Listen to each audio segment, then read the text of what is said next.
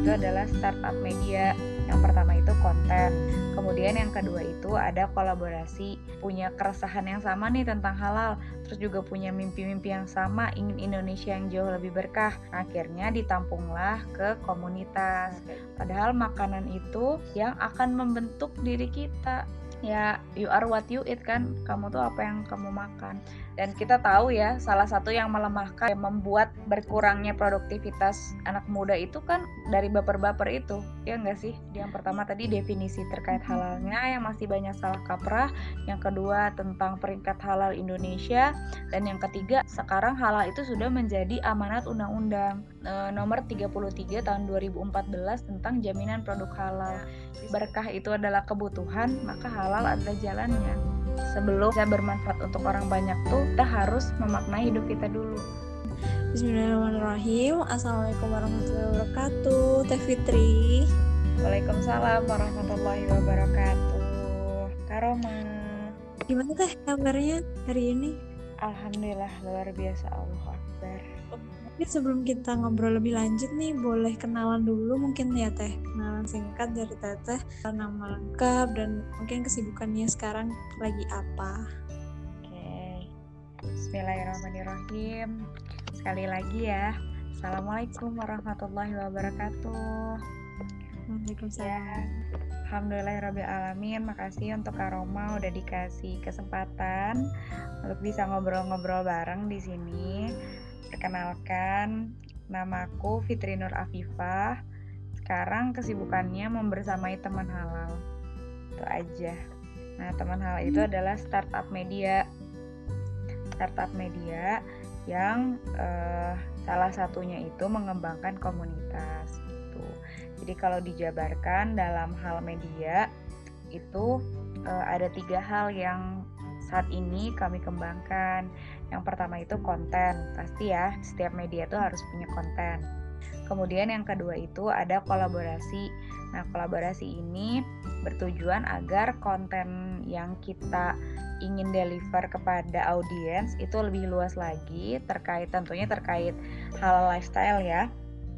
Nah, selanjutnya uh, untuk orang-orang yang sudah mengikuti kontennya, kemudian juga sudah mungkin pernah ikut event kolaborasinya dan merasakan wayang sama uh, maksudnya punya keresahan yang sama nih tentang halal terus juga punya mimpi-mimpi yang sama ingin Indonesia yang jauh lebih berkah. Akhirnya ditampunglah ke komunitas kayak gitu. Komunitas teman halal. Jadi sebenarnya kalau ditanya teman halal itu apa teman halal itu adalah startup yang bergerak di bidang media Nah, kalau komunitasnya adalah salah satu bagian dari uh, startup uh, medianya. Wah, masya Allah. Jadi tadi sempat disampaikan ya visinya tuh untuk membuat Indonesia jauh lebih berkah gitu ya lewat gaya hidup halal. Masya Allah. Yeah. Awal mulanya teteh akhirnya membangun teman halal atas keresahan apa sih teh sebenarnya waktu itu?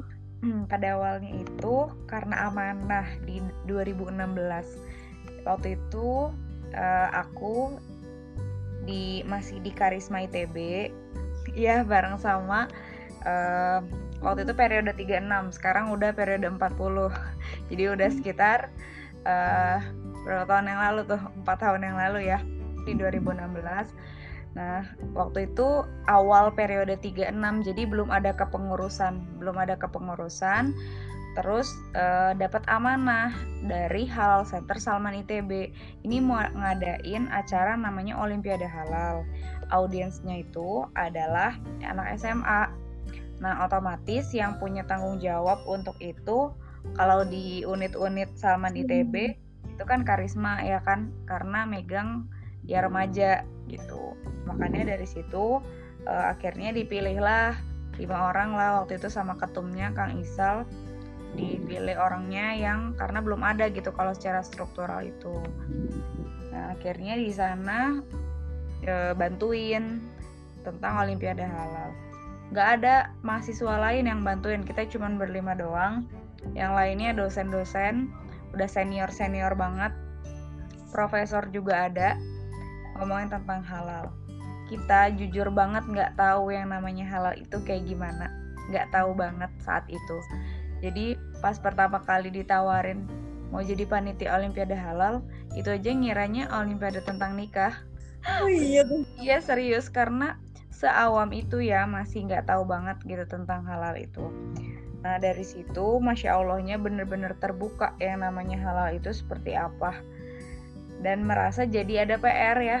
Keresahannya mulai dari diri sendiri karena aku pun nggak tahu yang namanya halal tuh ternyata kayak gitu. Karena uh, mikirnya ya udah di Indonesia kan mayoritas muslim udah pasti auto halal lah makanan-makanan yang kita makan terus juga apa minuman segala macam terus juga pakaian dan yang lain-lain. Gitu nggak pernah mikir kalau misalnya ternyata sesuatu yang haram itu dekat sekali dengan kita. Kan mikirnya kelihatan ya kalau kayak babi ah babi mah jauh kali. Kita kan makannya uh, misalnya kue gitu ya roti. Hmm terus makan apa-apa yang kayaknya nggak mungkin ada babinya gitu atau minum air mineral nggak mungkin ada babinya. Tapi ternyata pas di situ uh, apa ya waktu itu diajarin bagan tentang babi ternyata semua komponen di babi itu dipakai semua nggak ada yang nggak dipakai. Jadi babi itu hewan yang benar-benar zero waste. Dipakai semuanya sampai kotorannya pun dipakai. Itu kaget sih di situ. Hah? Kayak gini banget Nah dari situ ngerasa punya tanggung jawab setelah selesai jadi panitianya. Jadi e, ternyata alhamdulillahnya sama Allah teh dibuat solid yang berlima ini teh. Grup kita masih tetap jalan gitu tetap silaturahim. Terus jadi tempat apa ya curhat lah ya selama jadi pengurus di karismanya juga. Pasti kan banyak masalah di situ ditumpahinnya. Sampai akhirnya kita mikir eh kayaknya kalau misalnya kita kumpul-kumpul kayak gini bisa jauh lebih produktif deh gitu. Dengan kalau kita punya project sesuatu akhirnya apa nih ya yang bisa di um, deliver ke yang lain gitu. Jadi kemanfaatan. Terus kita mikir kenapa nggak halal aja ya? Kan kita disatuin karena itu juga. Nah dari situlah awal mulanya. Akhirnya membuat taman halal itu di 1 September 2017 gitu. Wow, udah berjalan tiga tahun ya teh? Iya, alhamdulillah hampir mau tiga tahun. Nah berarti partnernya Teteh itu yang berlima itu ya yang dari awal kepanitiaan sampai sekarang gitu masih solid gitu ya Teh? Betul, alhamdulillah. Insya Allah, Insya Allah. Nah, apa sih Teh yang membuat Teteh tuh istiqomah mendakwahnya lewat teman halal ini ya dakwah buat gaya hidup halal nih sampai sekarang gitu bahkan. Iya, ada tiga hal sih why yang benar-benar pada akhirnya membuat ya terus bergerak ya ingin terus bergerak. Titik baliknya adalah di episode yang ngerasa teman halal tuh banyak episodenya. Nah jadi yang pertama kali membuat titik balik teman halal sampai di detik di detik ini adalah waktu itu pernah ada kayak lomba pitching gitu ya. Itu emang kayak kumpulan startup. Dan itu uh, temanya memang tentang halal yang ngadainnya kalau nggak salah dari Gamaisnya S2 Kamil ITB yang ngadainnya di ITB waktu itu. Itu senasional dan kodarullahnya itu masuk kita masuk cuman yang pitching tuh cuman 15 kelompok kalau nggak salah. Nah terus di situ masuk dan ternyata pas ngedengerin yang lain itu udah masya allah banget udah bela udah berjalan tiga tahun empat tahun. Oh pokoknya udah keren keren banget. Dan di depan jurinya juga kan itu sekaligus investor. Katanya kalau yang bagus banget bakal di sekalian diinvest gitu. Di situ langsung ciut sih dikirain teh bisnis model teh ya lomba pitching bisnis modal teh bener-bener pada baru mulai. Ternyata yang baru hmm. mulai banget kita doang sama satu lagi yang mahasiswa tuh ada anak ITB jadi cuma dua kelompok yang mahasiswa. Kalau yang lainnya tuh udah bener-bener profesional lah di situ tuh. Nah tapi masya allahnya ternyata uh, teman halal ini menang juara favorit. Juara hmm. satunya ada waktu itu namanya Sharky tahu nggak Sharky startup di bidang ekonomi hmm. syariah nah itu iya, iya. emang udah mantap banget lah. Itu dapat hadiah 5 juta. Nah sementara teman halal ini menang juara favorit. Kita dapat hadiahnya berupa uh, coaching langsung di inkubator startup. Nah inkubator startupnya kubik di kubik tuh. Uh, itu titik baliknya jadi mengenal yang namanya startup dan yang lain-lain di situ. Dan bisa dibilang uh, teman halal yang sekarang itu ya berubah 180 derajat dari yang awal kita memulai itu awalnya di kubik itu berubahnya. Nemuin tujuan dan yang lain-lain. Termasuk nemuin why. Nah dulu tuh di coaching langsung sama CEO kubiknya namanya Kang Faris. Nah Kang Faris tuh bener-bener dari awal sampai berapa bulan gitu ya selalu nanyanya tuh why kalian apa sih? Penting gak sih ada teman halal? Sampai kayak gitu. Kita tuh iya. bener-bener riset why-nya. Jadi ternyata ya itu yang proses panjang itu yang akhirnya jadi menguatkan si uh, proses pencarian why-nya. Nah, setelah proses panjang itu ya dulu mah bingung kalau ditanya why teh maksudnya paling sedikit gitu ya bisa kita jelasin. Tapi kalau sekarang tuh udah ajak insya Allah dengan tiga poin yang menjadi bahan bakar kita terus bergerak di teman halal. Nah, sedikit ya diulas tiga poinnya. Yang pertama iya, itu definisi terkait halal. Nah, sedikit riset karena audiensnya teman halal tuh remaja dan uh, mahasiswa pokoknya anak muda lah ya utama audiens utamanya. Pasti uh, banyak yang masih salah kaprah terkait definisi halal itu sendiri ya nggak sih? Nah, hmm. sekarang kalau misalnya ngomongin halal tuh pasti lebih ke baper-baper gitu ya. Ya pasangan gitu-gitu. Ya padahal uh, ternyata halal sendiri luas sekali gitu. Halal lifestyle itu luas sekali. Dan saat ini uh, halal itu nggak cuma untuk muslim saja tapi non muslim juga. Sudah ada namanya halal ekosistem yang uh, berlaku secara global bukan hanya di Indonesia tapi di dunia gitu. Itu yang pertama sih definisi halalnya. Yang masih salah kaprah deh anak muda padahal kalau anak muda produktif banget bisa nih ngedongkrak Indonesia gitu. dan kita tahu ya salah satu yang melemahkan dan mer, uh, apa ya membuat berkurangnya produktivitas anak muda itu kan dari baper-baper itu ya enggak sih? Kalau hmm. udah baper udah galau kayak gimana coba kondisinya? Boro-boro ya mau mikirin bangsa mau mikirin negara tapi ya mikirin diri sendiri aja nggak sanggup. Maksudnya pengennya denger lagu galau pengennya rebahan gitu-gitu nggak sih kalau lagi galau? Iya, iya. gitu ya. Mm -mm Nah, itu sih yang uh, cukup menjadi apa ya, benar-benar ini tuh kita harus membangunkan mereka gitu. Akhirnya benar-benar punya semangat gitu, resahnya di situ. Terus poin keduanya adalah peringkat Indonesia. Hmm. Jadi Indonesia itu peringkat halal dunianya tuh peringkat kelima.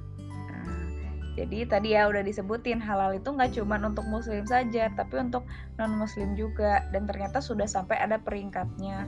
Ini berdasarkan apa? Berdasarkan GIEI e Global Islamic Economy Indicator. Nah, di GIEI e ini gitu yang uh, ya uh, negara-negara dalam prospek ekonomi di halal industrinya itu berdasarkan tujuh sektor halal industri. Jadi sebenarnya halal lifestyle itu nggak cuma food doang kan kita mikirnya oh ya udah halal mah kalau nggak pasangan makanan gitu ya makanan gak jauh-jauh. Tapi ternyata banyak. Kalau industri itu ada tujuh. Ya selain food ada media. Tadi media halal hah kok ada media halal? Ya itu di, ternyata di situ ada gitu. Ada finance terus juga ada fashion ada travel ada farmasi terus juga ada kosmetik gitu ada tujuh sektor hal industri ternyata yang sebenarnya ketika bisa dikembangkan insya Allah uh, yakin banget lah ekonomi Indonesia itu bisa melejit gitu. Karena suatu produk yang halal itu bisa digunakan oleh yang muslim maupun non muslim tapi sebaliknya produk yang tidak halal itu hanya bisa digunakan oleh yang non muslim dan juga muslim yang belum sadar belum aware terkait halal. Biasanya pakai juga produknya gitu. Nah parameter eh, peringkat halal ini salah satunya adalah awareness masyarakat eh, negaranya terkait gaya hidup halal. Nah sekarang eh, pertanyaannya gitu apakah peringkat lima ini sudah memuaskan? Jawabannya belum. Kenapa? Karena kita tuh mayoritas muslim terbesar dan terbanyak loh di dunia. Gitu. tapi kenapa ternyata terkait halalnya sendiri kita masih sangat kurang itu bisa dilihat dari parameter uh, halal food aja ya. Kita tuh meskipun udah peringkat 5 tapi halal foodnya nggak nggak nggak masuk top 10 coba. Nah ini kan hmm. yang paling pokok ya food itu. Maksudnya kita satu hari makan berapa kali? Tiga. Yeah. belum cemilan ya. Belum minuman minuman-minuman yang hit sekarang gitu. Kayaknya udah jadi lifestyle juga ya. Kalau belum belum beli itu kayaknya belum hits gitu ya kita sering mengkonsumsi banyak uh, makanan, minuman, tapi ternyata kita sendiri tidak aware dengan kehalalan dari apa yang kita makan itu. Nah, itu yang menjadi PR besar. Padahal makanan itu yang akan membentuk diri kita, tubuh kita. Itu yang jadi kekhawatiran terbesar ya. Kalau misalnya ya you are what you eat kan, kamu tuh apa yang kamu makan. Dan kita selalu mengkorelasikan kenapa sih Indonesia itu tadi ya mayoritas muslim terbesar di dunia. Terus kalau secara sumber daya alam kita nggak usah tanyain lagi. Udah keren banget udah masya allah banget. Terus juga sumber daya manusia sebenarnya wah suku bangsa bahasa wah itu udah kaya banget. Tapi kenapa ya kita suka berselisih dengan hal-hal yang kecil karena hal-hal yang kecil yang remeh. Ya. Iya. Ya padahal kita potensinya besar banget. Ya kalau ditelisik lagi kita bisa lihat apa sih yang kita makan. Itu itu poin yang kedua. Jadi yang pertama tadi definisi terkait halalnya yang masih banyak salah kaprah. Yang kedua tentang peringkat halal Indonesia. Dan yang ketiga adalah sekarang halal itu sudah menjadi amanat undang-undang jadi udah ada undang-undang e, nomor 33 tahun 2014 tentang jaminan produk halal. Di sebenarnya alhamdulillah di Oktober tahun lalu itu sudah disahkan undang-undang ini. E, ke depannya e, kita ya, ya produk yang beredar di Indonesia ini harus halal, wajib halal gitu. Nah ini kan harus dikawal ya, maksudnya akhirnya pemerintah sudah aware, ini juga sudah jadi amanat undang-undang. Makanya yang paling penting adalah apa? Adalah edukasi kepada masyarakatnya agar kita aware terkait halal dan tahu sebenarnya kenapa sih harus halal karena kalau quotes dari aku tuh kan suka bilang kalau misalnya berkah itu adalah kebutuhan maka halal adalah jalannya gitu ya kalau misalnya kita di hidup ini mau ngapain sih sebenarnya kan pengen nyari berkah sama ridho Allah kan yeah. ya iya. sebenarnya tujuannya eh sebenarnya caranya gampang banget ya tinggal halal aja gitu tiga why-nya teman halal Allah teh tercerahkan sekali. Boleh cerita halang rintangnya nih selama ngejalanin teman halal ini apa aja sih teh? Wah pastinya banyak banget. banyak banget termasuk kayak ya dari awal tadi ya tujuan awal seperti apa terus sama Allah tuh dikasih proses dulu biar kita bisa perbaiki bisa mematangkan oh ini why-nya. Nah, itu kan pasti banyak banget proses di dalamnya. Terus juga terkait tim. Oh kan tim yang sekarang kalau Karoma tahu kan suka ada acara Friday night. Tahu tuh ya iya. personilnya siapa aja. Gitu ada 8 orang. Nah sebelum yang 8 orang ini juga sebelumnya ada uh, dapat gitu pembelajaran pembelajarannya oh ternyata memang untuk mendapatkan suatu tim yang solid karena banyak banget nih yang nanyain juga ke aku gimana sih teh biar kayak teman halal solid banget gitu. Ya nggak semudah itu kita langsung berkumpul dan solid nggak. Karena solidaritas itu ternyata given. Given tuh hmm. ya Allah yang ngasihin kita nggak bisa ngebentuk solidaritas itu. Dan solidaritas itu adalah buah dari keimanan jadi dari hati yang saling terpaut satu sama lain. Kayak gitu sih yang aku rasain. Karena dulu pun padahal why-nya udah sama gitu ya. Kan sempat beberapa kali ganti personil terus juga hmm. uh, udah sama tujuannya udah sama-sama ngerti ini ini itu. Tapi ternyata kalau sama Allah hatinya nggak dipautkan karena Allah tuh pengen nguji. Bener nggak sih? Why kalian udah sekuat itu belum sih?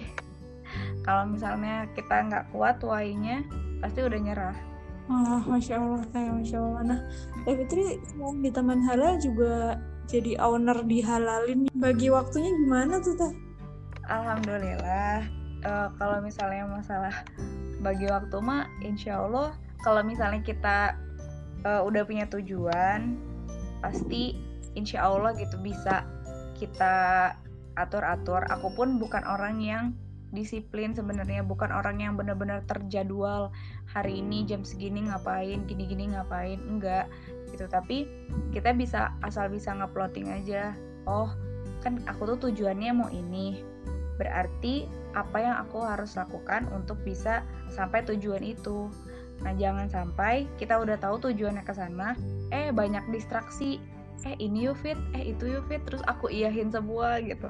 Nah itu nggak akan nggak akan bisa. Jadi sebenarnya yang bisa bikin apa ya kita nggak sampai tujuan atau kita ya down dan yang lain-lain tuh salah satunya distraksi-distraksi itu.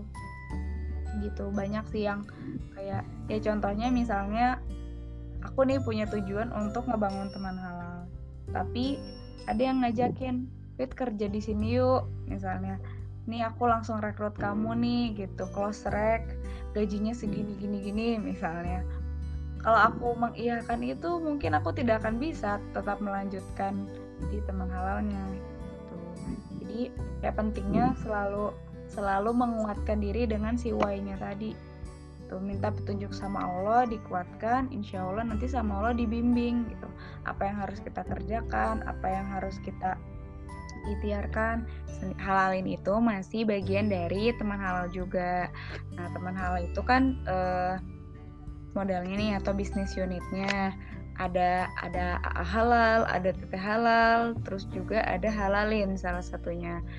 Nah, selain itu masih ada beberapa yang emang lagi progres pengembangan itu. Bagaimana sih manage uh, waktunya?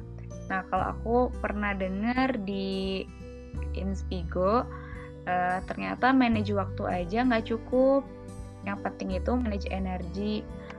Kadang di satu hari kita nge-manage waktu tuh dengan hari ini kita mau ngapain aja kita tulisin agenda dari A sampai Z tuh tapi kita lupa untuk sampai Z ini kayak gimana biar kondisi kita prima kita enjoy ngejalaninnya dan apa ya selesai dengan baik gitu setiap tahapnya. Nah, makanya penting juga untuk manajemen energi atau sampai Z ini gimana itu caranya. Ya yang perlu diperhatikan itu dari makanan juga asupan makanan. Tentunya nggak cuma yang sehat tapi yang halal juga karena you are what you eat. Terus juga dari olahraga nah itu sih yang uh, perlu di ini juga dibiasain lagi. Selama pandemi mungkin agak ke skip ya. Kalau dulu tuh rutin uh, setiap minggunya berenang. Itu jadi fit banget. Kalau ngerjain aktivitas yang padahal padat terus mobilitas tinggi beda sih ya sama sekarang yang cuma di rumah aja. Tapi justru ya penting gitu sih uh, makanan dan olahraga ini. Selain di ya jadwal itu aku bukan orang yang disiplin teman-teman. Jadi uh, jadwal aku gak di sedetail itu. Maksudnya wah jam segini ngapain jam segitu ngapain? Nggak kayak gitu. Aku cuma nulis poin-poin yang mau aku kerjain hari itu. Misalnya ya aku hari ini mau desain. Desain apa aja aku jabarin. Desain A B C D E. Oh terserah aku mau ngerjain dari E dulu mau ke B terus segala macam nggak harus A B C D E gitu. Terus juga misalnya aku mau baca buku atau apa nah aku tulis poin-poinnya aja gitu. Di tiap hari. Gitu paling karomah cara aku untuk ya membagi waktunya ya Oh, Masya Allah teh. Nah, gimana sih teh menurut teteh gitu ya caranya supaya kita tuh bisa berkontribusi kayak teteh ke masyarakat menyebarkan manfaat ke masyarakat luas, membuat karya lewat kita. Itu gimana sih teh caranya? Tips and triknya dengan memaknai hidup dulu, memaknai hidup kita dulu. Aku pernah di dinasehatin sama ketua umum karisma yang pertama, namanya Mas Win dulu Mas Win pernah bilang di salah satu training uh, internal waktu itu masih jadi pembina karisma beliau bilang kayak gini sebaik-baiknya manusia adalah manusia yang paling dapat memaknai hidupnya. Sebelum ya bisa bermanfaat untuk orang banyak tuh kita harus memaknai hidup kita dulu. Sudahkah kita betul-betul bersyukur dengan kehidupan kita hari ini? Karena banyak orang yang berpikir sesuatu yang bermanfaat itu sesuatu yang wah yang besar yang kayak yang hits yang populer yang orang-orang semuanya tahu. Padahal bukan kayak gitu. Allah nggak butuh itu semua. Yang penting kita tahu esensi kita hidup sebagai manusia itu seperti apa. Kita sama Allah tuh jadi manusia cuman ditugasin, ditugasin tiga hal doang yang pertama tuh sebagai khalifah minimalnya jadi pemimpin diri kita sendiri. Yang kedua itu adalah ibadah. Kita uh, apa pun yang kita lakukan itu harus bernilai ibadah karena ibadah adalah bentuk penghambaan kita. Biar kita tuh sadar status kita. Kita tuh cuma sebagai hamba dan Allah itu sebagai Tuhan yang maha mengatur segala sesuatu. Jadi insya Allah segala episode yang sedang kita alami yang ataupun yang sudah berlalu berlalu itu tuh terbaik itu bagi Allah dan pasti banyak hikmahnya. Dan yang ketiga adalah dakwah. Dakwah ini mengajak pada kebaikan. Nah kalau kita fokus sama tiga tugas kita sebagai manusia ini insya Allah nanti sama Allah ditunjukin jalan-jalannya sendiri gitu. Asalkan kitanya tahu gitu mampu mengenal diri terus juga Allah tuh menciptakan aku untuk berperan di mana ya gitu. Nah penting sekali untuk mengenal diri karena semakin kita mengenal diri kita semakin mengenal Allah ya sebagai pencipta kita gitu. Dan aku waktu itu titik baliknya kalau tips dari aku ya dulu titik baliknya aku bisa menentukan oh aku tuh maunya kayak gini gitu atau bergerak di bidang ini. Udah ikut talent mapping. Waktu itu juga tingkat tiga sih kalau nggak salah ikut talent mapping tuh nah alhamdulillah dari situ jadi makin ajak sama pilihan-pilihan yang mau dijalanin mungkin after uh, after lulus tuh kayak gimana gitu. Itu sih kalau dari aku Karoma oh masya Allah. Jadi uh, tugas manusia gitu ya dari khalifah beribadah kemudian dakwah gitu ya Masya Allah dengan memaknai hidup Masya Allah banget teh buat Karoma Nah boleh teh uh, di akhir closing statementnya nih dari Teh Fitri Oke okay.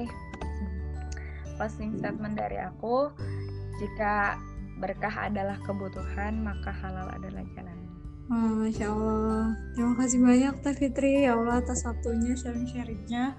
Banyak banget insight baru nih yang Karama dapat. Semoga teman-teman yang dengerin juga sama gitu ya, dapat insight baru juga.